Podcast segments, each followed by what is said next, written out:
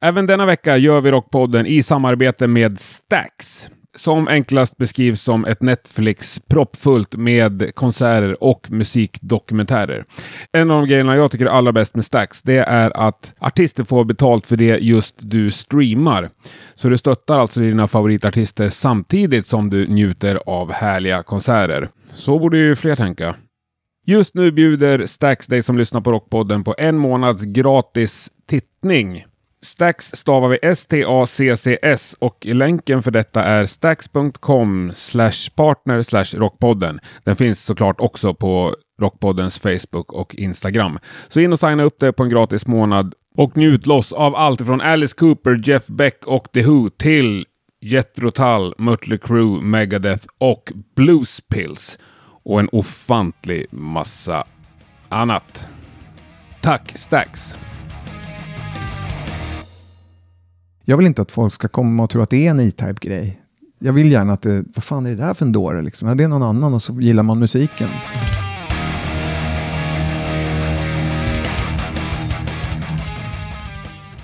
Då var det äntligen dags för en gäst som jag har varit nyfiken på i så många år. Alla känner honom som E-Type. De flesta vet att han heter Martin Eriksson och nu för tiden så börjar fler och fler veta om att han kallar sig Atron. Han har ju återigen fallit tillbaka i den härliga hårdrocksfåran och börjat ge ut musik med sitt band eller projekt eller vad vi kallar det som heter Dampf. Ett riktigt bra snack tycker jag det blev. Så vi kör igång veckans avsnitt. Du lyssnar på Rockpodden. Martin E-Type Atron Eriksson är veckans gäst. Jag heter Henke Branneryd och jag önskar dig en god lyssning jävla svårt att presentera dig. Du har så många namn nu för tiden. Men jag brukar, men jag, jag kom på idag, så, när fan är man Atron? Jo, när man har smink och ringbrynja och ska ut på scen. Då, bara då. Bara då? Ja, sen är det, kommer av sminket av, får en bira, då är det Martin. Okej, okay, ja. ja. men varmt välkommen till Rockpodden Martin Eriksson då. Tackar, tackar. Also known as Atron. Ja, not known as Atron. Yet. Inte et, nej, nej precis. precis. Men kanske ännu mer som E-Type. E-Type kanske, mm. ja. Det är jag. Vad kul, tack för att jag får vara med. Ja, men svinkul att ha det här. Hårdrockskarriär på gång igen. Ja, precis. Det får man ju hoppas och, och tro. Framförallt så är det jävligt roligt ja. att få skriva musik igen och göra någonting nytt och kanske inte försöka förlänga This is the way-grejen utan man gör någonting helt nytt. Det mm. känns sjukt roligt. För du har väl snackat om det här hårdrocksprojektet i några ja, år? Har jag precis. hört i andra intervjuer. Jag tror det. Jag tycker man har, jag har ju drömt om det. Sen har vi faktiskt, det måste jag säga, vi gjorde nästan, alltså det här är lite hemligt, men vi gjorde en hel, nästan en hel platta med Marcus Gidell från mm. Avatarium. Eh, så den, jag vet inte riktigt vad vi ska med det, en, en vikingaplatta, en dom metalplatta. Okay. Men som vi skickade runt för två år sedan och det var inget bolag i hela världen som ville ha. Och, då blev jag lite deppad och tänkte, ja men då gör jag en ny grej och då började jag på ett liksom mm, snabbare. Var det det som heter Rave? Ja, precis. Mm. Rave som sen numera, sen blev det Ericsson. Som det heter bara Ericsson. Så står det ristat i en yxa Ericsson. Liksom. Ja, det, är det är jävligt vi, snyggt. Det är ju mer viking. Men det är ingen som ja. har den. Nej. Men, men nu, är, nu är det damp. Ja, nu är det damp. Men jag var faktiskt och snodde, jag tänkte, jag, sk- jag ville ha någon sorts lite lugnare balladlåt. Mm på dampskivan och då gick jag faktiskt till mig själv och till Ericsson-lådan och så snodde jag en liten låt som heter See Me som ligger sist på plattan. Så den, den är full Viking-style. Schysst. Men plattan 3 juni? 3 eller 4 juni, jag vet inte, men där i början på juni i alla fall. Ja, jag, Har du så, fått något datum? Ja, jag fick tredje.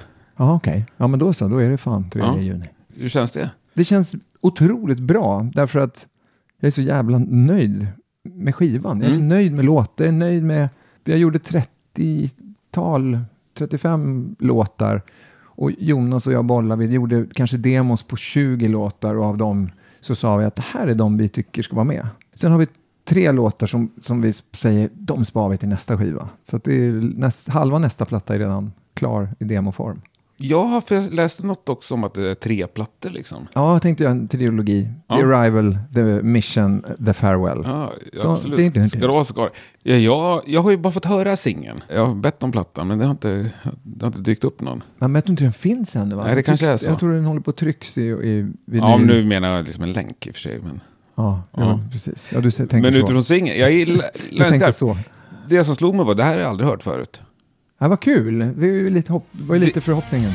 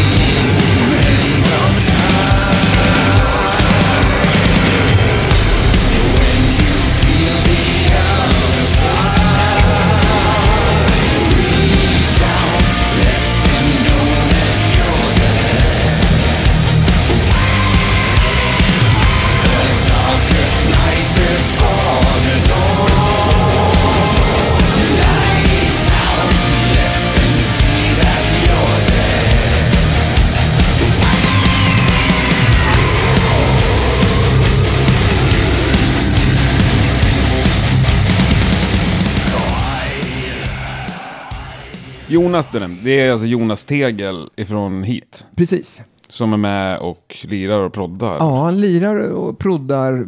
Vi proddar ju och lirar tillsammans. Jag gör ju oftast demon ganska som jag vill ha den liksom. Mm. Men han spelar, han är ju Uber, han är ju jättemusikalisk. Så han, han programmerar trummor och spelar bas och gitarr eh, och skriver texter med mig. Och så så vi gör, man kan säga att vi gör projektet tillsammans. Kul. Och sen har vi tagit in gästmusiker på lite olika låtar beroende på vad man känner att här hör jag, som på singeln till exempel, så kör, hördes det solot att man ville ha det där lite mm. modernare, Tommy Johansson från Sabaton. Liksom det soundet. Och, ja, ja. Och han, det är ett solo där det bara låter som han leker och det, då blir det också lugnt för lyssnaren på något sätt. Att det inte känns för utstuderat utan han sitter och tar en bärs och så kör han bara loss. Mm.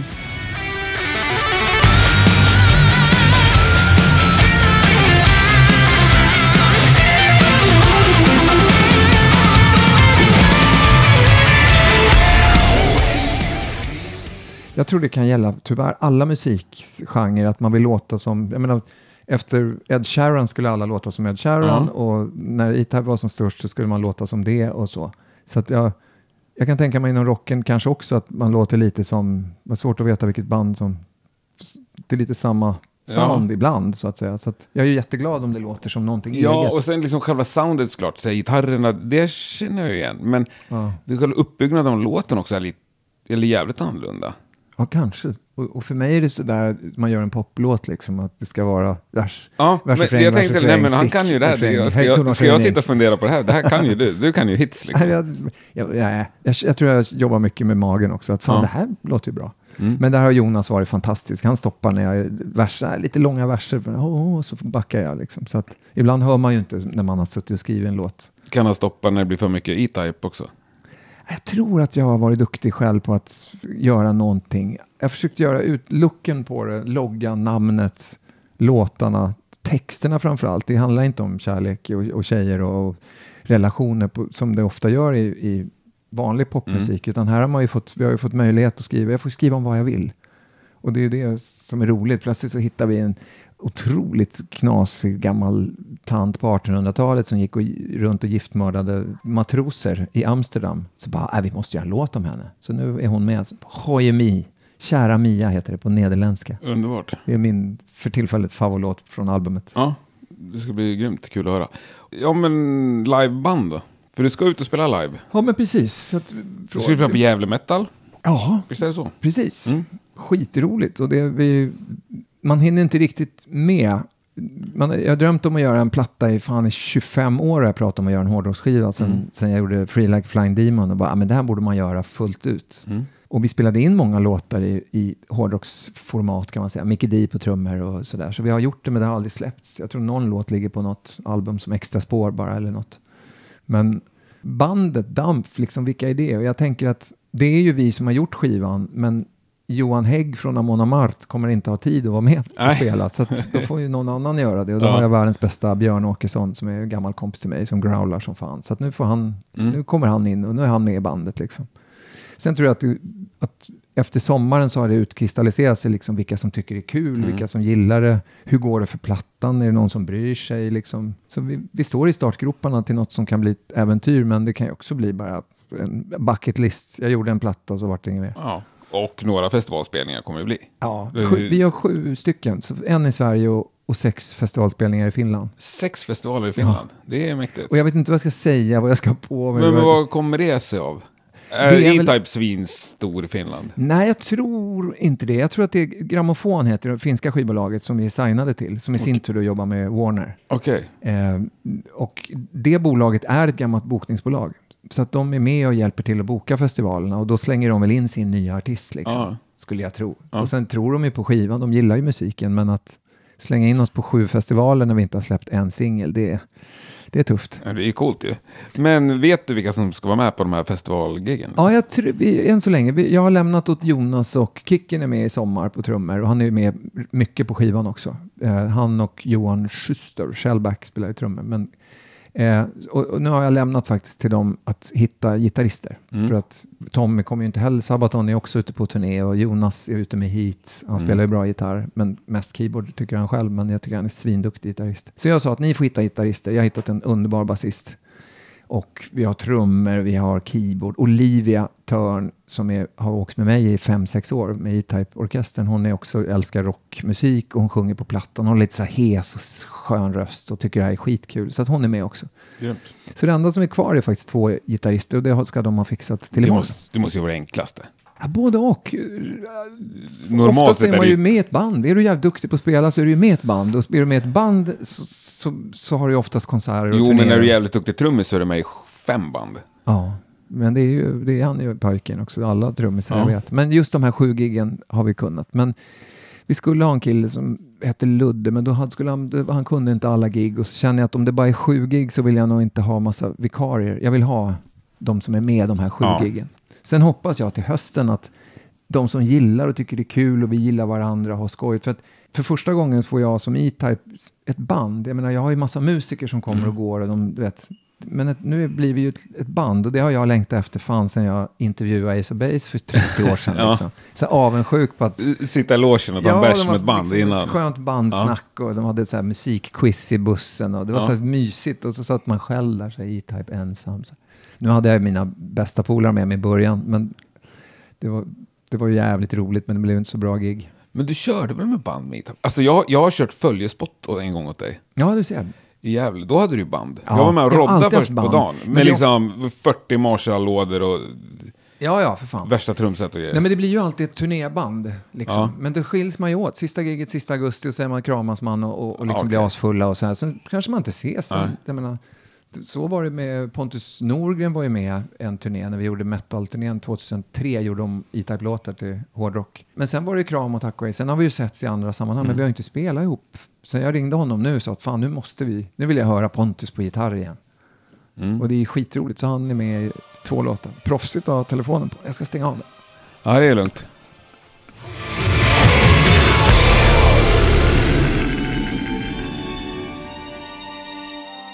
Apropå utrikes, du sa att det kom från P1.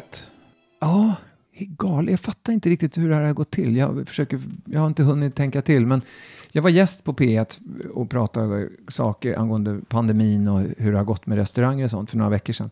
Och jag vet inte, det blev ganska kort. Så ringde de och frågade om jag ville komma tillbaka. Och Eftersom jag har turnerat så mycket i Ukraina så vill de veta Mm. hur min erfarenhet av Ukraina och Ryssland och Mm. om man har kontakt med folk därifrån. Och då sa jag lite kaxigt att ja, om jag får spela min nya singel. Och de bara, men det, P1 är ingen musikkanal. Och så, men det bryr inte jag mig om, utan nu kör vi den. Och då, då kontrade de, ja, men då ska det vara live. Och då var det lite jobbigare, när man bara, det här bandet liksom. Men då lyckades jag få in att vi kan köra singback, så att bakgrunden var från plattan Ja. och så var sången borttagen. Så att Jonas och jag och Olivia sjöng live nu. Så att jag kommer precis därifrån. Så det var premiären i hela världen för låten. Svinbra premiär i, i sammanhanget att prata liksom utrikes eh. Ja, det blir ju bisarrt liksom. Ja. Det, jag fick ju en fråga också, för jag var med och invigde i Sochi i vinter-OS Ja. 2014. Och då sa hon Louise, och sa, ja men ångrar du det idag? Liksom. Jag bara, wow. Ja, tung fråga liksom. Ja. Det är klart man ångrar att man har stöttat, men jag stöttar inte Putin för det. Jag, stö- Nej. jag vill ju där för, för folket och för OS och för svenskarna som ska tävla i OS. Du fick ju skicka en faktura till ryska staten, typ. Ja, det är i och för sig de som pröjsar. Men... Ja.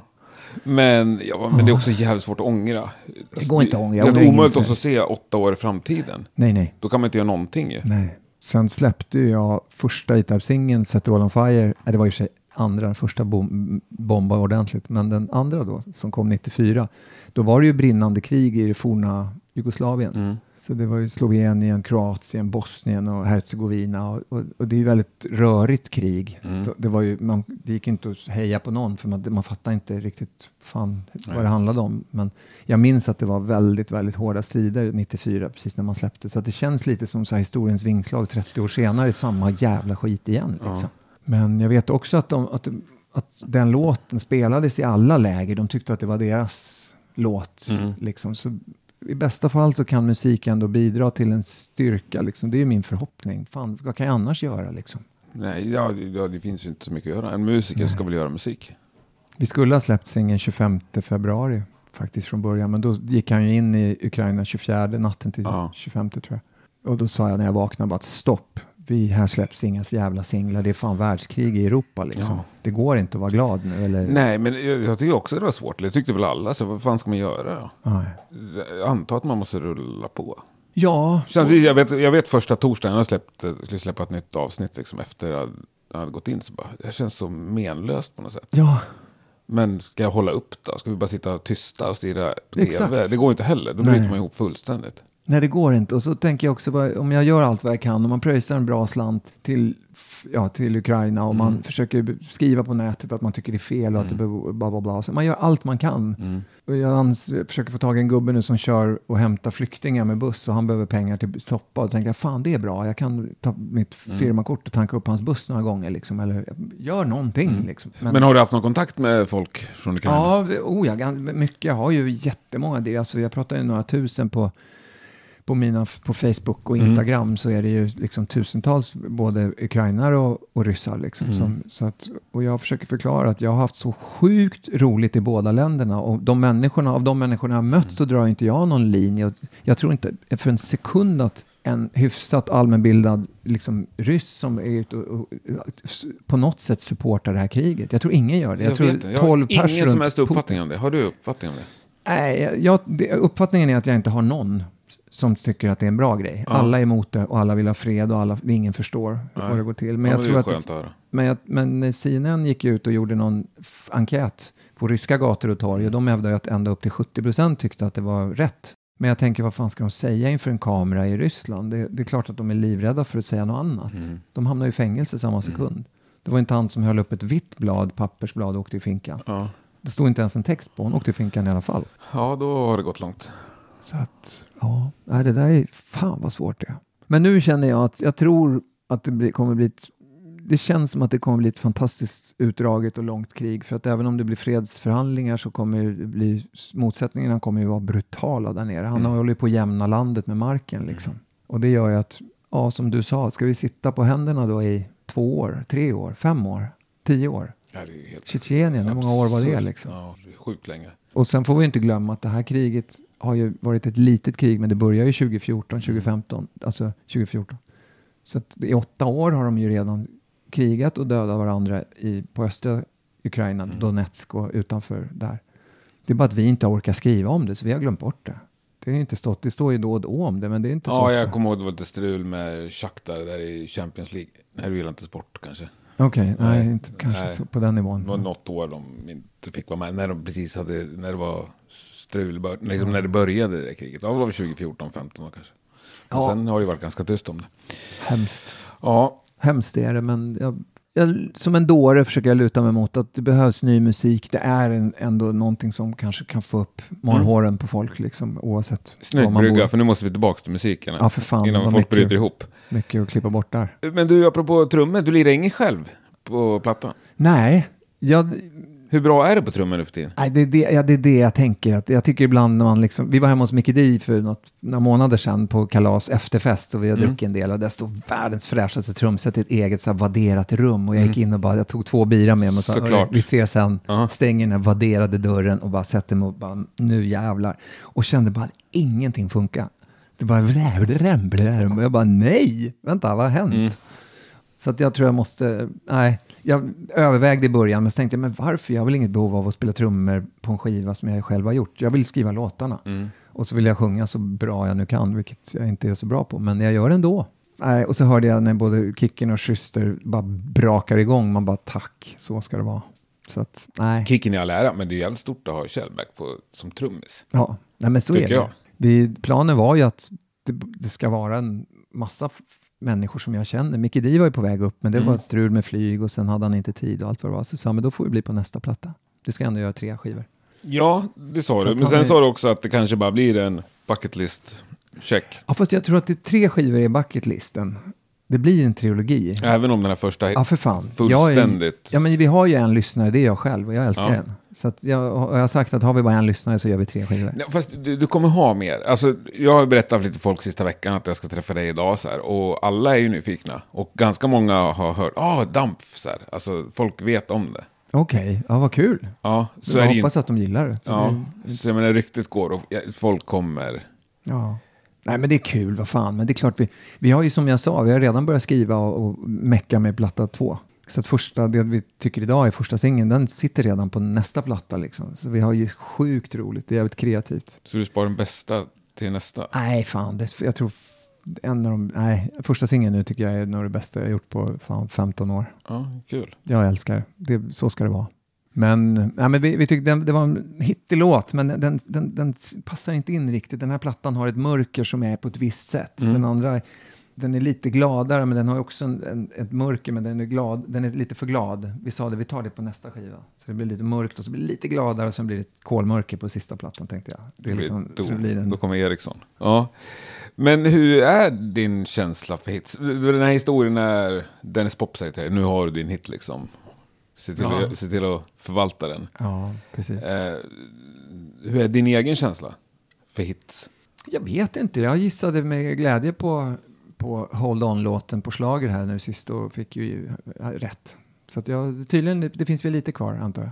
Jag vet inte, Schlagerfestivalen, det var en tjej, Jakob Ja, Samuel men Hold Me Closer heter den. Holm, ja inte vet jag vad den heter vet jag inte. Jag har hört den massor. bra. Jag tycker den är skitbra. Ja, svinbra. Ja.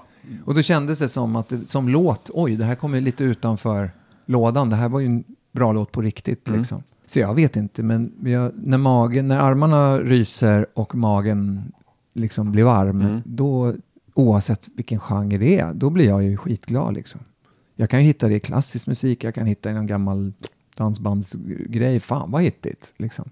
För mig är det så sällan som det liksom samspelar med någon större massa. Liksom. Ja, jag, Så ja, därför är jag helt värdelös. Jag skulle, fråga aldrig mig om vilken singel du ska välja. Och sådär. Nej, nej. Jag- Nej, jag vet inte. Jag, jo, men det, jag tror att jag... Jag kände, eller jag vet inte, jag tyckte i alla fall att det här skulle vara vår första singel. Sen Mm. presenterade jag hela albumet för skivbolaget, både Warner och, och det här Grammofon i Finland. Och då kom alla tillbaka och sa, vi tycker det här ska vara första singeln. Jag bara, tack, för det tyckte jag med. Mm. Men när man ska värdera sin egen musik, det är livsfarligt. Man är liksom i flowet och tycker man är så jävla bra låt och sen tre dagar senare bara, vad, fan har jag gjort? Det är det sämsta jag hört. Nej, det går ju med Ja, det är precis. konstnärsvågorna. Så man ska helst, jag försöker lämna det liksom åt andra. Och fet video också, ska sägas till. Ja, vad kul. Jag snackade med Ted. Jag hade videomöte Ja, med han för en Lidén. timme sedan. Ja. Nej, jätteroligt. Jag skulle vilja säga att samarbetet med Ted är lika fantastiskt och kreativt och kul som det har varit med Jonas Stegel. Liksom. Samma, liksom, jag har en idé, jag vill göra det här, det ska se ut på det här viset, jag vill att vi filmar där, jag vill ha med de här, det här är storyn. För det är ju en, det är en dröm från Mm. början, det här knasiga Mm. Aj. Liksom. Det, hon, hon finns ju men ändå inte, liksom, som en beskyddarinna från en annan plats som kommer och talar om att i drömmen så hade hon ju dessutom skrivit brev till Greta Thunberg också sagt att du ska inte plugga, du ska gå ut och tala om det här för folk kommer Okej, lyssna på det. okej. Så det var så jävla heroindröm liksom. Jaha, det är en dröm. Ja, det var en dröm från början. Ja. Så därför var det så kul. Och då var hon klädd, eller ja, det såg ut som Mary Stewart av Skottland. Ja. Så medeltids, sen medeltids output. Så därför har hon det i videon liksom. Men hon kom in i den här outputen och så hade hon lite så här kunglig aura, hållning och talade till ni, till er. Så bara kände, då fick jag så här rysningar för då var det liksom drömmen på riktigt på en jävla vänster. Jävligt kul. Så det, och det måste jag säga, samarbetet där var helt magic. Så att Mm. man kunde komma på, det här vill jag göra. Så Ted bara, så är han helt tyst och så tittar han på honom och sa, nu tycker han att jag är helt hjärndöd liksom. Och så säger han bara, skitbra idé. Då ser man hur han tänkt Ja. till scenen, Nej, han- jag- ljuset och liksom så här. Jag har haft mycket med honom att göra och även liksom både jobb och privat. Jag älskar honom. Han Ja, underbar. han verkar helt fantastisk. Mm. Så nu sitter vi och pillar med vad som ska bli nästa singel. Så nu håller jag på med manus till det och så gör jag liksom allt och sen ska jag presentera det för Ted. Mm. Men det- hur liksom hårt satsar du på den här grejen? Alltså, med väl väldigt- E-Type har jag förstått det som att det var en ganska skoningslös satsning. Liksom. Ja. Det, får, kosta exakt hur mycket som helst och hur stor del av mig själv och mitt liv. Ja, så sa jag och så blev det. Och så gjorde jag. Första turnéerna la jag alla pengar. Jag tjänade noll kronor på turnéerna. Jag la allting på showen. Att Mm. det skulle brinna och lysa och, och ry, ry, bara röka, ryka. Och, så jag tror nog att alla mina, när jag gör någonting, gör jag någonting hobbynivå så blir det så här. Jag tar i allt vad jag kan. Mm. Gör så bra jag bara kan. Så får vi se vart, det går. Det är en del av hobbyn på något sätt känner jag. Mm. Men det känns ändå som en hobby. Jag vet inte, är inte allting en hobby nu för tiden? Alltså, det blir ju inte jobb. Jag gör ju inte det här för att tjäna pengar liksom. Det vet Nej, men när man är 21 då kanske man kan tänka sig att sälja bilen för råd och köpa en ny gitarr. Liksom. Ja, tyvärr är jag ju där. Vi, gaget nu när vi spelar i sommar är typ 20 000 spänn. Det räcker ju inte, alltså det räcker inte ens till lunchen på Arlanda. så, så jag menar, det här kommer att, det här kommer att, jag kommer behöva ta fram sparbössan. Absolut. Men du får väl, ja men du ska väl köra, vi ska du köra någon sån här, vi som älskar 90-talet med E-Type. Ja, Också pengarna på gas, går ju rakt in Men också på gasklockorna, alltså några dagar efter Ja, eller före Jävla Metal. Just det, Ja. precis. Och då får du mer än 20 000. Så det ena får ju pröjsa det andra. Ja, det får bli så. Ja. Men, nej, men jag går nog all in. Fan, jag gör det när jag gör något. Jag vet inte. Jag höll ju på med lerduveskytte förut och tävlade. Okej. Och då var ju målet English Open och British Open. Mm. Så det är ju inte, alltså allt som är en hobby spårar ju ur när jag håller på. Det hur, lång, hur långt gick det? i- Nej, för fan, jag var med. Jag kom på 50 plats eller något sånt där av 2500 personer. Det enda är bara att det är 700 som kom på 50 plats. Jaha, okej. Så det låter bra, men det var rätt många som... Jag fattar. Ja. Ja. Nej, för fan, men vi kom dit och vi satt där och vi tränade och vi och grejade. Så att var på så här lerduveskytteläger och träning och tränade med svenska landslaget och köpte gula och blå lurar och jävlar. Fan vad vi- seriöst. Ja, så jag, jag tror att jag har någon, någon, jag vet inte om det är Tourettes eller ADHD eller någonting som man gör och jävlar in i betongen. Fast det kan väl också vara att man gillar att liksom starta upp grejer, prova sina vingar och liksom satsa hårt. Ja, nej men ja, precis. Men jag vet, jag tror, ja, men jag, man, det är en del av hobbyn. Sen har jag misslyckats rätt rejält med liksom familjebildande och sånt där, så jag har nog haft väldigt mycket fritid liksom, på ett annat sätt. Mm. Och, så man går in för det så jävla hårt. Men, men att hitta tillbaka efter tio år, hitta tillbaka till pianot nu och, liksom, och skriva musik, till och med gitarren jag dammat av, fast jag spelar ju suveränt dåligt. Men det är att göra riff, hårdrocksriff, ska fan göras på gitarr märkte jag. Jag försöker göra det på keyboard ibland, det, är så här, det blir inget bra alltså. Du måste lä- köra lite luftgura samtidigt som det känns att man, man dansar lite grann med gitarren för att, det, för att få fram det riktigt. Så att det har varit en jävligt rolig inspelningsperiod. Vart har ni spelat in? I, jo, i Heats studio i Solna. Och alla trummor är gjorda i Johan Schysters Shellbacks eh, studio här i stan. Precis någonstans här, ganska nära. Vid Odenplan nästan va? Ja, precis. Ja, det var... Så där spelade vi in alla trummorna. Det var då jag, när Johan var där och visade oss, som jag frågade, fan kan inte du vara med och lira på något? Jo, absolut, skicka över låten. Han är också gammal hårdrockare väl? Ja, absolut.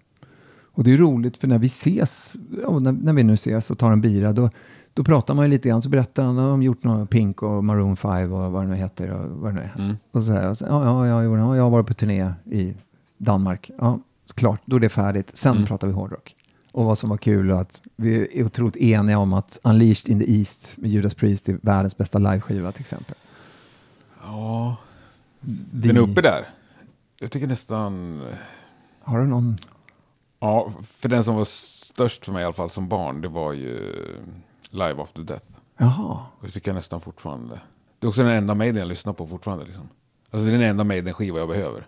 Okej, ja. ja. men jag är kanske lite äldre än dig. För att jag, Ja. jag började ju med första Maiden-plattan som överhuvudtaget Mm. dök upp. Liksom. Jag vet inte vad den. Jag, jag tror inte den heter någon. Den heter Maiden va? Ja. Eller Iron Maiden, ja. Tror det. Så där började det för mig. Som för övrigt som jag var inne och tittade på häromdagen. För då gillade jag en låt som heter Women in Uniform. Och jag skulle jag lyssna på den, då har de tagit bort låten från plattan. Hur sjukt är det? Varför det? Nej, de, den är inte med på re- remasteringen. Någon sån... Eh, Jag funderar på om någon sån metoo-grej. jag eller... tänkte precis säga det. Jätte, bara jävligt konstigt. Jag tyckte Ja. det var lite scoop inom hårdrocken. Vad fan, en låt som försvann. Spännande. Men å andra sidan så tror jag man tar bort Russian Lullaby från E-Type-kontot också snart. Liksom. Ja, är det en, liksom en hyllning till Ryssland? Eller? Nej, ja, men det var, jag turnerade ju där första året och, Mm.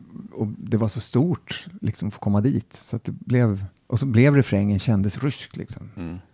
Manskörer och man ser dem nästan i så här ubåtsuniformer och står på fördäck och sjunger den här manskörerna. Mm. Liksom. Så då blev det då blev det så, ja vad fasen, den är ju viktig. Och Kiss Alive 2 minns jag att den var, det gick ju otroligt också het. Också stort. Det var också Ja. den första Kiss jag hade. Men Unleashed in These. Men sen har jag läst, jag vet inte om Robert Halford har berättat att absolut, det är, det är live. Mm. Men det är otroligt mycket inspelat i studio tydligen. Det är, på all, det är på alla live. Publik är lite pålagt. Ja. Det, är liksom, det är lite gitarrsolna är omgjorda och lite sådär. Så det tydligen är lite... Ja. Candlemass live, också jävligt bra. Oj! Den med ja. Messiah från Fryshuset. Jaha, okej. De Bra. snackar engelska mellansnacken. Okej, de spelade in den som live-platta liksom. 90... Jag träffade Messiah här kanske. på Ghost Release Party precis. Ja. Så var, fick jag ta en bira med Messiah. Fan vad kul. Underbart. Det där har en jävla legend. Och han berättade så här rolig historia. Fan, Martin, jag måste, det är så jävla roligt. Kommer du ihåg så här för 12 år sedan på Hard Rock Café, det var något releaseparty. När jag kom fram och så sa fan där är ju du, trummisen i Maninja Blade. Och du blev så glad så du kramade mig hela kvällen och bjöd på bira hela kvällen. För jag blev så jävla glad att Ja. jag fick vara rockstjärna liksom. Jag bara, fan vad jag glömt bort den storyn. Du hade glömt bort det också? Ja, absolut. Jag kommer ihåg det när han berättade. Ja. Liksom. Jag bara, just det, när jag var så jävla lycklig. Det var det så här, ja men E-Type hit och E-Type dit. Och så bara, nej, kolla, där är trummisen i Maninja Blade. Jag bara, yes. Är det samma band som sen blev... Hexenhouse. Hexenhouse. Ja. Med Mike Weed. Mike Weed tog över spakarna, sparkade Ja. mig och Adde och bytte namn och sen gick det åt helvete. Men du var väl med i Hexenhouse också? Nej, nej, jag, ja, kanske, men det var do, dojan rätt rakt på där. Alltså? Jag men, ja, de förstod inte riktigt min, mig. ja, men jag ville göra kortare låtar. Det var ju så otroligt stort med, äh, Van Halen var ju så stora och Europe med Final Countdown. och Ja. allt. Jag sa, fan kom igen, om vi kör vi lite mer melodier, då kommer vi få lira på lite större scener än att stå liksom på ungdomsgården i Svappavaara. Liksom. Ja.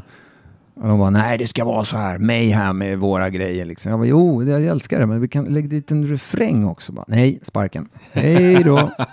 Ut härifrån med dina rosa träningsoverallsbrallor. sen blev det aldrig mer... Jag kommer ihåg att jag hade rosa Gucci-overall också när vi övade i replokalen. De bara, du nästan- kan inte se ut så. Vad fan, det är en replokal för Ja, men det helvete." spelar ingen roll. Nej, det spelar ingen roll. Här är jag på bandets sida. Nej då. Men sen blev det aldrig med hårdrocks... eh, Jo, jag som sagt fick dojan och så hämtade vi mina vita Sonor. Fan vilka snygga trummor jag hade förut. Roddarns mardröm kallades de, för det var dubbla sargar. De var ju så jävla tunga trummorna. Ja. Så min gamla kompis Johan eh, hämtade mig med sin Folka pickup och så åkte jag direkt till Musik Deluxe. Och så sa jag bara, jag, jag skiter i den, jag lägger ner trummorna. Jag fick också känslan av att de inte tyckte jag var tillräckligt bra, men jag hörde deras nya trummor så, tog jag tillbaka det. Men då sålde jag faktiskt trummorna. Ja. Och då sa jag till Niklas Jarl på Musik Deluxe, som fortfarande jobbar kvar för att, att nu ge mig en dator istället och keyboard, för nu ska jag göra egen musik. Så då tänkte jag hela tiden åt Van Halen. Men det var Jump. jävligt tidigt med datorn också. Var det Atari? Ja, Atari. Ja. Cubase var det efter Atarin och sen blev det de här ja, andra programmen. Men då, var, då hade jag nog mest, tror jag, Jump, liksom med Van Halen. i, Liksom Mm. att fan, upp med tempot och glädjen och liksom, kom igen nu, få lite pop-feeling liksom. Men sen när jag var klar, då, då blev det dansmusik. We got the atmosphere. Och då tyckte Jonas von de Burg var producent och han tyckte min rap var så jävla dålig så han, så han ringde in Johan Renck, Stackabo. Så blev det E-Type Stackabi. ja, just det. Ja. Några singlar och sådär innan. var tidigare.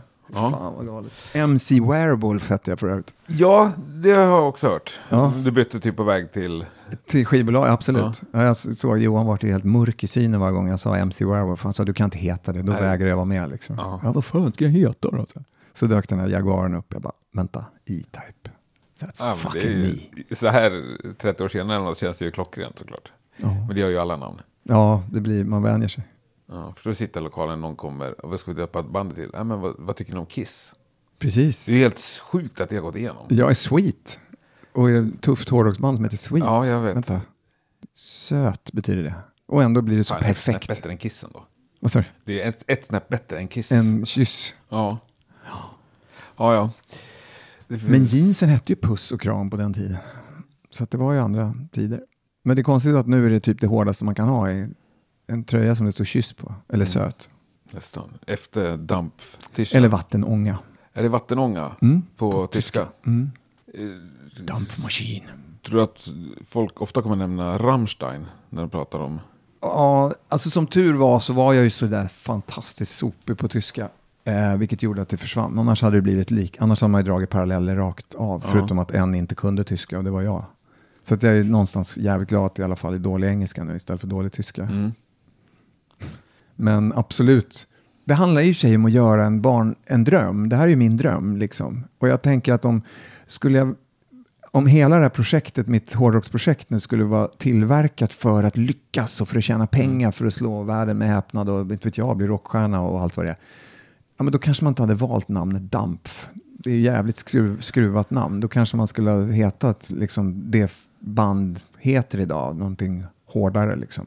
Hellfire eller något. någonting tufft. Jag tycker Dampf är inte alls dumt alltså. Nej, men Men liksom, på tal om Rammstein, har du ändå liksom haft sådana här bilder i dig? ja, Alltså, just absolut. Eftersom jag, drömmen var ju, jag gjorde första låten som heter Aber der Wind, men vinden, eh, som jag inte längre heter det, för nu heter den Born on the Wind istället. Eh, då var det väldigt industri, det, den är med på plattan. Och där hör man, det är första låten jag gjorde till hela projektet. Så där hör man ju idén med att det skulle, och det, det, är, det är den mest Rammstein av alla låtarna. Det är ju precis den. Som, sen som tur är så har det utvecklats och blivit Martin Eriksson skriver låtar och Jonas proddar och så vart det någonting helt annat. För det är inte mycket Rammstein över singeln. nej, Liksom. Och jag ville också... men en gnutta, skulle jag säga. Är det så? Ja. För jag älskar de här dödsmetallriffen. Jag, jag, äl, alltså jag går ju sönder Legion of the Damned och uh, Lamb of God, eh, Ultra, Ultra Violence eller Witchery. och- Alltså det, det, man älskar ju det. Mm. Så jag vill ha det, den typen av riff. Inte vanliga rock, heavy metal riff, Nej. utan liksom Saxon och Judas är lite för snällt. Det ska vara argare, men sen vill jag ha en poprefräng liksom, på det. Så det var ju idén från början. Men jag, tänk, jag tänkte också så här scenshowsmässigt liksom. Ja, men alltså, kan man bli annat än inspirerad när man ser en Rammstein? Jag har Nej. inte sett, fått sett dem live, jag har ju bara kollat YouTube och, Mm. jag har, och hört dem har jag gjort eftersom jag bodde på Adelsö och vinden gick dit. Mm. Jag bodde då på Adelsö och då gick hela vinden från konserten utomhus 2019. Ja, jag bor på Gärdet så jag hörde den Ja, du hörde varenda ja. låt liksom. Du hörde mellansnacket Ja. också och såg den svarta röken. Ja. Så det var ju självklart, jag såg framför mig att man, så här steampunk och stora rostiga hjul och så här, hydraulpressar som, och så läcker ut psh, så här, vattenånga liksom på något sätt. Fast, eh, så det är ju därifrån tanken kom. Men nu fet för jag har ju svårt att tänka mig så här på Gävle Metal att ni bara kommer stå fyra killar i jeans och t-shirt. Nej, fan, vi kör ju våran bag såklart. Ja. Absolut, det är ju en hyllning till Mayhem. Alltså, det, är, den, det är egentligen en hyllning till Kiss också, att man vågar ta ut svängarna. Fan. Plus att jag är noga med att jag vill inte att folk ska komma och tro att det är en E-Type-grej. Jag vill gärna att det, vad fan är det där för en dåre liksom? Ja, det är någon annan och så gillar man musiken. Så att man försöker fjärma sig från E-Type-grejen så gott det går. Men det är svårt att klippa sig till varje gig. Ja, och sen är det väl svårt liksom. Det är väl som Jerry Seinfeld kan inte spelas, liksom, han kan ju spela andra roller men Ja. vi kommer ju... Det kommer alltid tillbaka. Ja, för E-Type sitter ju ganska bra liksom, Ja. i alla svenskars medvetande. Men på något sätt hoppas jag att de som gillar E-Type accepterar att jag har den här hobbyn. För att det, kan, det borde ju inte vara någon hemlighet att man älskar hårdrock och har gjort hela livet och vuxit upp med fan Highway to Hell-plattan. Det har ju- var min, liksom, Jag tror absolut du kommer få den acceptansen liksom. jag hoppas det. Men jag vill, vill inte heller ta rygg på så här, vad, vad brukar E-Type göra med sina? Jo, han springer runt där och hånglar med publiken Ja. och håller på. Och så, men nej, fan, det här är en annan grej. Ja, Nu kan det bli massa- svårt då i stridens hetta? Du har stått på scen inte. så jävla mycket. Ja. Så att du liksom faller tillbaka till det scen. Så får man två bira och sen börjar man, springer man ner där i ringbryn igen och, och är likadan. Nu ska jag bara stå Nej, jag, jag vet ut. inte. Det Jag tror inte man ska liksom. posa heller. Alltså, Nej, man det- ska inte det vara den man är. Man får nog vara den man Ja. är. Liksom. Absolut. Men apropå det där med acceptans, så känns det som en snubbe som så här, alla gillar liksom. Nej, det finns någon drös. Jo, men om man säger liksom... Maninja Blade. Maninja. Blade sparkar mig. De gillar inte mig. Nej, det är de jävlarna. Men liksom... Jag var med i en eh, MC-klubb som sparkar mig också. De gillar inte. När, vad heter han? Ulf Ekberg, heter han så? Jo, Från Ace of Base. jajamän. När han går ner på Anchor, som du sa att du hade varit på helgen, och kollar på coverband. Han har ju liksom noll cred där. Ja. ja, kanske. Och där tänker man att folk liksom gillar dig. Det är ingen som håller på, en jävla poptönt, vad är du här liksom? Nej, nej, men det har jag nog sluppit faktiskt. Det, på så sätt är det ju skojigt. Uh, nej, men det är ju skojigt. Men jag tänkte på första turnén som vi gjorde med ett riktigt band som vi var inne på med liksom musiker på riktigt och Ja. fick åka på stora festivaler. Då hade vi ju Run to the Hills som extra nummer. Så man har ju alltid flörtat med hårdrocken på något sätt. Liksom. Du också sa vi innan, du kör jätteofta liksom hårdrocks-tisha. Ja, men jag tror att jag vill... Det var nog, det var nog liksom rockstjärna jag ville bli, men jag fick inte det. Så jag bli, men jag fick bli popstjärna, så jag ska väl inte sitta här och sura heller. Men fan, det finns ju drö- jag har ju drömmar. Man får inte glömma att E-Type har all, jag spelat en enda gång i Tyskland. En, en gång, då fick jag spela en låt, så vart, nej, vänta nu. Jo, jag fick spela en låt, så vart jag avbrutet, så fick jag åka hem. Det är fan sjukt du. 90, sommaren 94, japp. det här kommer ju gå. Dampf, det, det är det Så alltså. det finns det är ju en baktanke. en sån revansch. Fan, ja, nu ska... fan, jag vill äta sauerkraut och åka runt i en, en svettluktande urinbuss i Tyskland i sommar. Näst, ja, sommaren 23 får det bli då. Ja, men det är ju perfekt också, för där vet ju heller ingen då vem du är. Nej, det, exakt. Så det, det är så jag känner att då kanske man, det vore sjukt kul. Amerika har jag aldrig spelat i heller. Så det känns, och E-Type, även vilken, hur bra E-Type-låt jag än gör så kommer jag aldrig få åka till Tyskland. Jag kommer aldrig få åka till Amerika i alla fall. Det bara är så, för det är ingen jävel som liksom börjar ropa hurra till en 50 plus kille. Men alla andra länder i Europa Ja, fun- men där- funkade okej. Ja, det har ju spelat, men inte ja, jättemycket. Mycket Asien, mycket Ryssland, Sverige, Norge, Finland, Danmark. Mm. Spelat Kanada ett par gånger, men, men sen, sen, och det är många år sedan så att säga. Så det känns också jävligt spännande, för rockvärlden är ju mer, man skiter ju, jag menar att Saxon kommer med en ny platta, Carpe Mm. Diem va nu. Vad fan hur gammal är han? 75? Ganska bra platta också. Ja, Ja. faktiskt. Det är lite konstig mix bara tycker jag på den. Det, det är lite underligt so- sound på, på sången och sånt där. Det är, jag, måste, jag, måste, jag har inte hunnit analysera lite, men jag, Man saknar det var lite- inget jag tänkte på tror jag. Jag hade det på bland och så kommer Strong Ja. Arm of the Law liksom och bara wow, där satt den. Vänta nu, det är så här man vill höra det. Och det, det är inte där liksom för mig. Nej. Men så jag, jag tycker det är jävligt spännande. Det känns som en urspårad, eh, jag menar om fan kunde man få skjuta British Open så kan man väl fan få spela på Wacken också, tänkte jag om tre år. Två år. Absolut. Jag försöker övertala Tobias i Ghost att vara förband till dem. Han bara, mm, vi får snacka om det. Andra gången jag sa det på release han bara, mm, får snacka om det. Ta det... Så snällt. Ja, får börja som liksom före förbandet. Ja, ja exakt. Warm-up till Candlemass. Ja, Precis. Ja, men det var lite så här klassiskt. Ja, kanon. Ja. Men ring inte mig, jag ringer alltså, dig. kanon också på krogen. Det är, sånt, det är då sånt där ska bestämmas. Jävla dumt. Men roligt. Men jag- Jävligt där rolig jag- kalangs. Tack Ghost. Alla, Ja. mycket så här, hela Candlemass var återsamlad och liksom, det var, Mm. ja, det var jättekul. Just det, jag såg en bild där med Messiah och eh, Ja, Leffe och Mappe. det var väl liksom, det var mera häng bara, musikhäng. Jag vet, inte, det var Mm. ingen gig och det var liksom ingen goodiebag-ställ så, utan det Nej. var bara häng. Det är inte så mycket goodiebags på releasepartyn nu för tiden. Ja men fan, det, så var det förr. Jag, Mm. jag planerar det för min...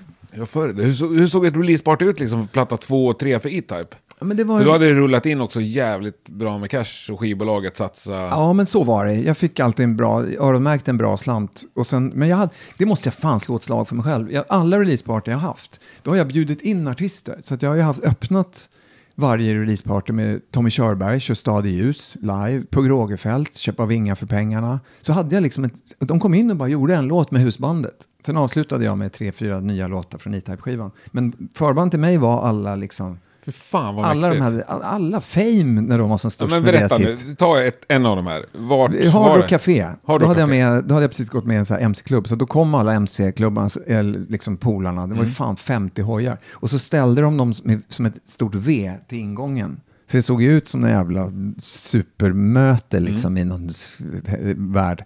Och sen så hade jag scen och så hade vi Dag Vag spela, Tommy Körberg körde Stadljus, Pugh Rogefeldt körde Köpa vingar för pengarna, Fame hade precis vunnit schlagerfestivalen. Förlåt, visst var det Mikael Rickfors som köpte vingar för Ja men vad fan, förlåt. Ja, Bra, lugnt. bra. Ja, fan. nej, jag vill inte vara besserwisser. bara- Jo, men ja. det ska du fan, det Ja. är din show. Idag är din. Ja. Så att jag, så, och så var det kalas och sen hade jag ju världens Goodiebags. bästa eh, pont, pontare. Eh, nu står det ju helt still, men hans, Roger. Pontares son, som är så fantastiskt, Vincent Pontare. Apropå Ghost. Exakt, som Ja. har skrivit precis fyra låtar tror jag på nya Ghost-plattan. Fy fan vad det Vincent bra. Pontare, han var diskjockey tillsammans med Citronen. Båda är ju jätte, jätteframgångsrika Mm. idag. Så de var diskjockeys och sen var det sånt jävla fest.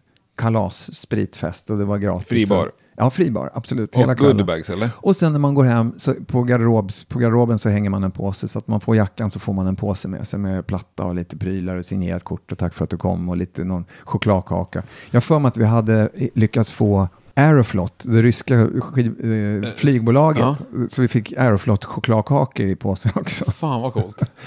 Så, fan, goodiebag. Vad fan tog det vägen? Nej, jag, jag var faktiskt på en bokreleasefest för inte så länge sedan. Då Mm. var det så. Var det så? Japp. Vad fick ni i påsen?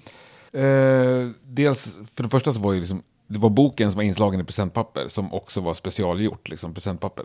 Okej, och Eh, signerad. Och, Ja, och sen var det var signerat. bara för författare eller vilken bok? Eh, Sara Bergmark Elfgren hette hon. Boken heter Grimm. Okej. Där liksom halva boken utspelas egentligen i dödsmetallens eh, Stockholm Fiction? på 80-talet. Ja, fiction. Okej. Fast en blandning av liksom morbid och eh, entombed typ. Okej. Ja, man får, men det är alltså det är fiction. Men hon har gjort sjukt med research liksom. Kul. Så blir det vad var det Det var något tygmärke, några pins och så boken. Som var signerad i det där pappret. Visst fan blir man glad Ja, man blir jätte, jätteglad. Ja, som en liten, lite så här, fan, lite så här fiskdamm när man fick, man visst, man fick Mm. en påse, man vet inte vad det är, man blir bara glad att man fick en påse. Ja, nej, men det där lät ju ändå fett att hyra in andra. Och, det var så kon- och de tyckte det var konstigt och skivbolaget tyckte jag var jättekonstigt, men det var, blev väldigt skoj. Det var en rolig fest så att det inte bara blev, nej, Itab, kom och titta på mig och lyssna på mig och tycka om mig. Nej, det var Vincent och de spelade sina låtar och sen kom de här och körde. Liksom. Det blev som fest liksom. Och det är ju roligt att bjuda på fest. Ja. Framförallt när man kan och lite möjlighet. Och... Max Martin var där och sjöng, sjöng eh, What a wonderful world. Hans paradnummer. Är det hans parodnummer? Ja. Gör den så jävla, han är ju tio gånger bättre än på att sjunga än sina artister. Han är helt sjukt bra. Men gör han det fortfarande? Eller så att säga i eh, små sammanhang? Ja, det tror jag. Om, jag har inte faktiskt kontakt med honom så mycket längre, tyvärr. Jag, han flyttar till Amerika och så blir det här, Men om han är i Sverige så på vi har releaseparty, ja det skulle jag tro att han går upp och kör. Det skulle jag absolut tro. Ja. Han börjar väl också liksom, han har ju varit så på toppen så länge så att han, jag, jag tycker jag ser när man träffar honom nu att han är lite loose. Det är liksom, ah, han, han är världens största låtskrivare, vad han än gör på något Ja. sätt. Så jag Och tror han varit kostar det på så sig. jävla länge. Och det bara sprutar hits fortfarande. Ja. Tar inte slut. Ja, han är grym. Så Eh, det hoppas jag. Men sitta här och snacka om, nu gäller det att, göra och, och vika ihop de där goodiebagsen och t-shirts. Tänk en Ja, t-shirt, kan en inte platta gnälla. och liksom, Ja, vad fan. En liten pin i alla fall. Ett klister. Ja, men en platta är trevligt. Vinyl 7. Kommer den på CD och vinyl eller bara ja, som digitalt? fan. Jag har beställt, de, det var jättesvårt att få fram och det tog tid som fan. För Mm. jag, jag, krä, jag är så här roligt, jag är 15 år igen, så jag krävde att, att vinylen, första 300, nej, första 700 vinylerna ska vara blodfärgade. Såklart. Så de ska vara liksom, helst inte jämna utan så här fläckigt blodiga. liksom. Splatter. Så Liksom. de, ja. nu ska de försöka få fram det liksom. Eh, var fan, samlarex. Jag glömmer aldrig när jag fick hem, stod i kö. Som en, jag hade ju väldigt stora idoler till mig, var ju Dag Vag när jag var liten Ja. också. Så det var Dag Vag på ena sidan och så var det typ Highway to Hell på andra sidan av kassettbanden. Och första 200 plattorna var genomskinliga och jag hade en sån. Det var liksom, än idag kan jag bara minnas. Ja, det är coolt. Sen har det gått lite inflation i det där nu. Nästan alla band släpper ju Vinyler, absolut. i olika färger och Ja. förut var ju liksom en skiva svart och sen var den unikt om det var något annat. Man kanske skulle ha gjort en svart så var typ det enda i år som, blev, som Ja, släpps svart. nä, nästan så. Det har du fan rätt det får bli på nästa. Men köper du musik, lyssnar du på musik, tar du in liksom ny musik fortfarande?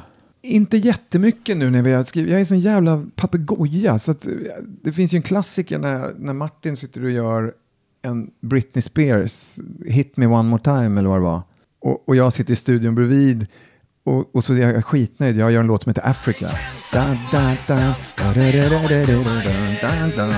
Sjunger jag. Och, och så ska Martin, så mixar han det här och säger så här, ja men fan det är en bra, den här versen funkar ju även i disco sa han. Och jag bara, vad menar du med det? Och så spelar han upp Britney. Du har ju snott hela versen från hans platta. hela det. Da, da, da, da, da, da, da, da, fast mycket långsammare. Baby, sjunger hon. Alltså, det här på att bryta ihop. Och då är det ju mix. Det går inte att liksom gå in och spela om och ändra. Nej. Nej. Alltså, han garvar och blinkar. Kör, så han. Snor bara. Gör det. Mm. Gör det bara. Jag fick pröjsa lunchen, kan jag lova den dagen. ja, Så att jag är lite papegoja, eh, eller vad man, jag vet inte om papegoja. Jo, men jag lyssnar och repeterar. Så Mm. att om jag hör för mycket, jag kan höra något på radion, och sen går jag och skriver och tror att det är jag som har gjort det. Och det jag vågar inte. Så att faktiskt under hela, nästan hela perioden, det här året som jag spelar in Dampf nu, så har jag lyssnat bara på Händels Messiah, Messiah eller påsk. Mm. Den, man tror att det är en julkonsert, men det är faktiskt en påskkonsert. Det har varit det modet som jag vill vara i för att göra låtar till Dampf. Det, går, det är så konstigt så att, för då känner jag att om det skulle komma med en liten snutt, då behöver jag inte vara orolig att, det är något, att jag snor av någonting modernt. Nej. Liksom. Då är det någonting 300-400 år gammalt. Ja, Liksom. det är inte ens upphovsrättsskyddat längre. Nej, och det är bara häftigt om det Ja, ja. är så. Skitcoolt. Det, en låt har jag faktiskt tagit ett, som Pontus Norgren från Hammerfall gör ett solo som är körstämman på en av låtarna Okej.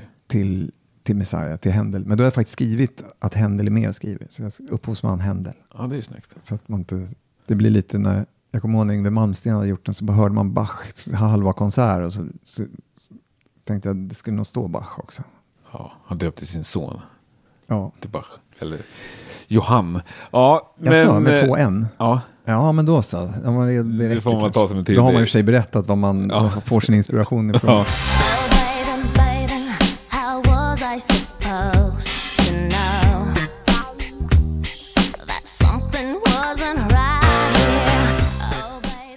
Går du på någon gig? Jo, men vi var på musik, ny musik. Jag är inte, jag tog tillbaka frågan för jag tyckte det var roligt. Ta. Eh, så att jag har inte lyssnat jättemycket, men sen nu när plattan är klar, då har jag Jonas gett mig deras, han har ju sidoprojekt som heter New Horizons, som jag tycker var svinbra. Med Erik Grönvall? Ja, Mm. jävligt bra liksom. Och, ja, kul. Och jag tycker även hitplattan är, blir ju suveränt. Den är väl inte släppt ännu. Och så, så jag försöker lyssna på det som man... Och sen har jag min kompis Björn, och- Hårdrocksbjörne, i, som är med i Damp, som growlar, som ger mig allt nytt inom dödsmetall och black metal. Och det är ju det är liksom Kreator och Bombus och... Ja, det, bor ju jävligt hårda grejer. Alltså, det här, ja, och Lamb of God. Alltså, det, det går inte att slå i hårdhet. Det, nej, jag lämnar den okommenterad. Ja, Ja. eh, Men sen efter ett par timmar så kan man känna att fan nu skulle det nog vara mysigt med en melodi också. Det är attityd och det är riff och det är hårt och jag vet inte, jag blir glad. På fejan dyker det upp hela tiden, massa livekonserter hela tiden, Pantera, det är någon låt där och King Diamond såg jag igår liksom, Still Going Strong Fan, från bra. 2019 tror jag till och med. ja, det är sjukt Och han bra. viftar runt med sina benrassliga, Ja. man blir ju glad liksom. Ja, King Diamond blir jag glad av varje dag. Om Ja. man vill. Ja. Ultrasäkert kort. Men går du på någon gig? Så. Inte så mycket. Ja, inte, nu har det varit pandemi liksom. Ja. Eh, och, och så. Jag planerar, nej, jag planerar 29 april så tänkte jag gå på Ghost Mm. eh, på Friends Arena tror jag han spelar, eller Avicii, Avicii. Arena. Globen ja, just Ja. det, det är Globen. Eh, men vi får se. Jag dejtar en tjej som sa att om inte du går med på mig på middagen den, just den kvällen så gör hon slut typ. Så att jag får gå på efterfesten då. Ja. Men jag såg det för två år sedan. Så att jag, är- men det skulle vara jävligt kul att se nya plattan. Mm.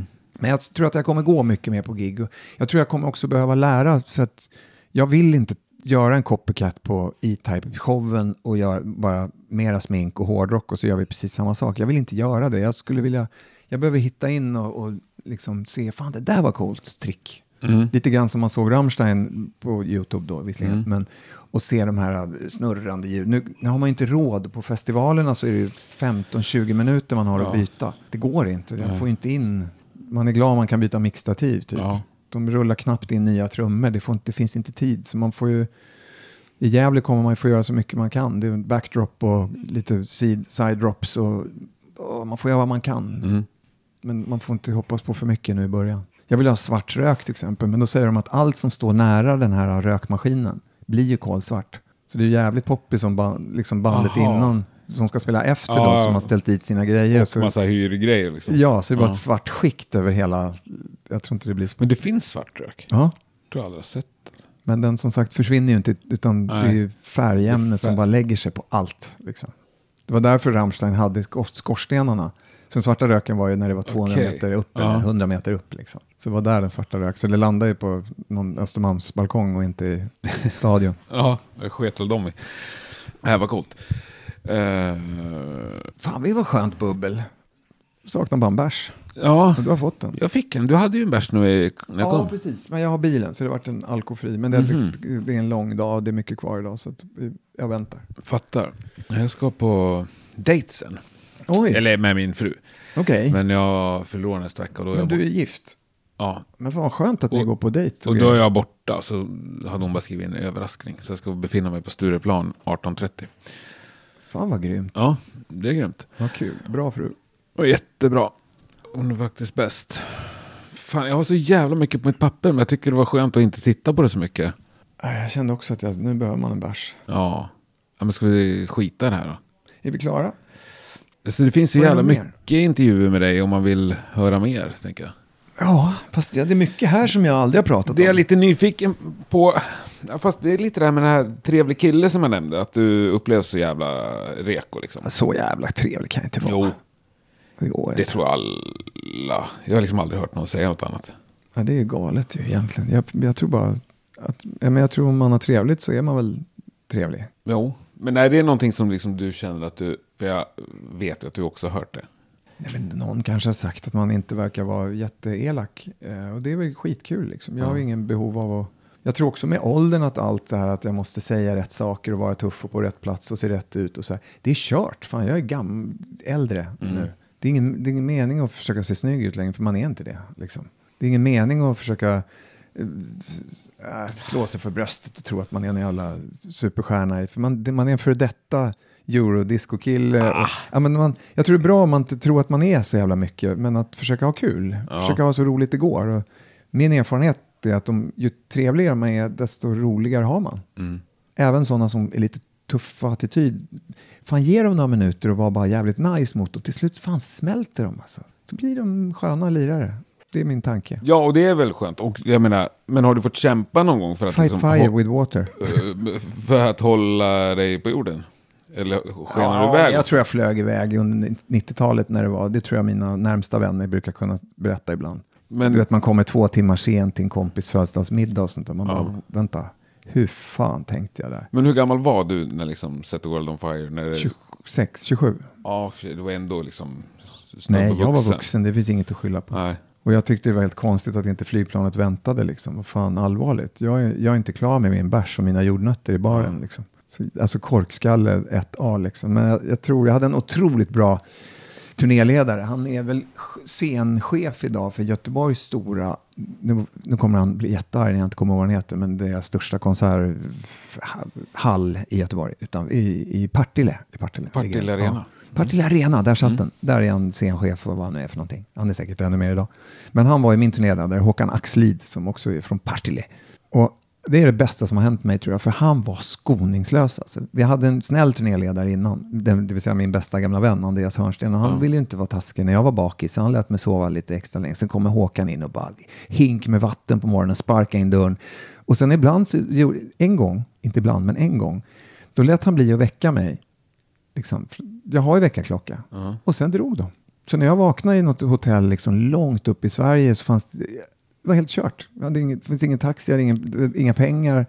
Och du hade inget gig att passa heller? Nej, vi skulle bara hem. Så jag fick ju ta tåg hem. Jag kom ju ett dygn senare hem och Ja. var så jävla arg. Han sa, han, jag fick bara en sån jävla utskällning. Och jag, jag minns det, det, det, jag trodde jag ändrade. Jag tror det, den, det tillfället och typ lumpen tio månader, Mm. det fick mig att bli man. Liksom. Fan, allvar, skärp dig. Men höll du på mycket med sånt där? Alltså, alltså att flygplanen skulle vänta på dig? Alltså sådana Ja, jag tror, man, jag tror man tyckte man var Guds gåva ett tag till. Så att, äh, för fan. Ugh. Kanske inte jättemycket, men jag, de tre gångerna som jag gjorde det så minns jag det som att, fy fan, uff. Ja. Ja, ja. Ja, men man var popstjärna och så var man alltid packad och vi var ju festade och det skulle iväg och det var liksom sådär. Man, nej, det där är, kan sitta lite grann som. Men jag, jag är glad att jag fick honom för han, han ändrade på saker och ting. Jävlar vad man var i tid sen. Mm, skönt. Uppsträckt som jävla soldat innan gig och i rätt tid i- soundcheck. Och, Förutsatt tid idag också. Jajamän, ja men det sitter i. Ja. Men du, jag har två standardfrågor. Det är det enda Ja. jag har i den här podden. Uh, vilken är den mest musikaliska person du har lirat med? Professorn tänkte jag, Thomas Bergqvist eller Frank Rönningen. Var hittar vi dem? Ja, man får googla på dem. Ja, Jag tror Frank Rönningen spelar med Smalare än Tord idag. så pass. Jajamän. Jag har aldrig sett, vi hade ju två keyboardister och två körkillar då på första turnén och sen på den andra så hade vi inte råd med det. Och då sa han, men det där fixar jag. Jag bara, då ska jag spela två helt olika grejer på keyboard och sjunga liksom trestämmigt och, och göra allt. Ja, men det där fixar jag. Och så lät det bara som en dator alltså, när han drog igång. Jag har aldrig hört något liknande. Coolt. Han var, han var, Frank Rönningen var och Thomas Bergqvist, eller professorn då, som han kallas, han, vi gjorde ett gi- premiärgiget i Norge och det gick så fruktansvärt dåligt. Vi hade en pyrotekniker från USA som gick runt och kallade alla för grasshopper och var skitball och rökte gräs för övrigt. Och han satte ingenting. Han drog de största bomberna mitt i en vers i låten. Alltså jag höll på att bajsa på mig på scenen. Vad fan gör människan? Och då har vi ett svenskt turnépremiär i Göteborg på Liseberg. Sommar och sol, 26 000 pers dagen efter. Och jag var helt förstörd. Så jag ringer Thomas på natten. Och Han sätter sig på första planet på morgonen, kommer ner, lyssnar på giget tre gånger och sätter det varenda smäll. En och en halv timmes konsert, sätter allt, allt, allt. Precis på pricken, exakt på öret, hela konserten. Och då känner jag bara att det där finns inte. Då är man, då är man Mozart liksom. Ja. Det är den första som svarar en liksom, pyrotekniker som svarar på den här frågan. Jaha, det är mitt... Ja, ja, det är fullt rimligt när du säger det. Ja. Ja. Men sen går det ju inte att, det går inte att berätta vem av Marcus Gidell och Pontus Norgren som är bäst, eller Tommy Johansson, eller, det går inte. De är genier. Ja. De är genier. Men det här är väl det första jag tänk, som jag tänkte att, det kan ju också vara att det var första gången som jag blev, liksom alla mina polare som spelar hellre än bra, Mm. liksom. Så kommer det plötsligt in proffs Som kan riktigt. rädda Liksom. showen. Ja. Bara löser det liksom. ja, det är underbart. Eh, det andra då? Sveriges mest underskattade band. Underskattade band. Den var ju däremot mycket, mycket svårare. Mm. Calcutta Transfers. Finns de fortfarande? Jag hoppas det. Jag älskar dem. Ja. Världen borde älska dem. Nej, men ska vi avsluta här då med lite Calcutta transfers? Fast det är inte mycket till hårdrock. Nej, Det- Det är väldigt ohårdrock. Men det får man ta när E-Type är med i Rockpodden. Sjukt trevligt att träffa dig. Ja, så Och, härligt. eh, Tusen tack för att jag fick vara med. All lycka till. Jag försöker hitta en, man, ett underskattat hårdrocksband då för att det passar kanalen. Nej, Nej, du ska inte verkas fram. jag tänkte säga International Yara Sahara Band, men det är lika konstigt det. Där spelar jag trummor för övrigt. Vi kom aldrig någon vart, Nej. fast låtarna var skitbra tycker jag. Mm. Men jag tror jag håller mig till Calcutta Transfers. Vi kör på det. Japp. Lycka till. Ses vi på Jävla Metal om inte annat. Ja, jag hoppas det. Fan vad kul. Hoppas jag verkligen. Du kommer att hitta en jävligt nervös kille den kvällen tror jag. Kommer du ihåg det? Mm. Vad gör du åt det? Ja, inte bira, bira, bärs, bärs i alla fall. För att det är, det är så jävla mycket texter i det här. Det är mycket, mycket mer texter än jag någonsin haft. I, sammanlagt tror jag i hela, alla E-Type-skivor jag har gjort. är mindre text än vad det är på en platta nu. Så Mm. att jag kommer behöva riktigt sådär, lite så här gubb... Jag kommer behöva ha lite fuskpapper och lite prompter och lite så här Ulf Lundell-bok framför mig och sådär i värsta fall. Så att jag kommer nog få ta en bira efter. Nej, Jag tror inte man kan göra så mycket. Andas in och ut och inse att jag är jävligt nöjd med skivan. Försöka göra ett bra jobb. Ja. Fan vad vuxet det lät. Mm, Men jag tror jag ställer upp en back bira så att jag ser den. Du... Jag brukar flyga så också. Jag har såna här små flaskor med sprit i fickorna. Men jag, får, jag har ju bilen på Arlanda så jag kan inte dricka dem. Men det är jävligt skönt att bara hålla i dem och veta att här borde mumma om man Så kan du behöver. öppna när du, Ja, in, när du parkerar, liksom, innan du stänger av tändningslåset. Ja, även grymt. Kör på det. Okej, toppen. Ha det Tack grymt. för idag. Tack som fan. Hej. Hej. Tack för detta. Det ska bli oerhört intressant att följa Atrons och Damps fortsatta framfart, tycker jag. Tack för att du har lyssnat. Det är väldans, väldans trevligt. Nu är det dags att äta påskägg och så hörs vi nästa torsdag igen. Då med ett helt annat innehåll. Ha det bäst. Tack och hej. Tåget det gick kvart över ett The Delhi Express jag hade inga pengar Så jag fick inga.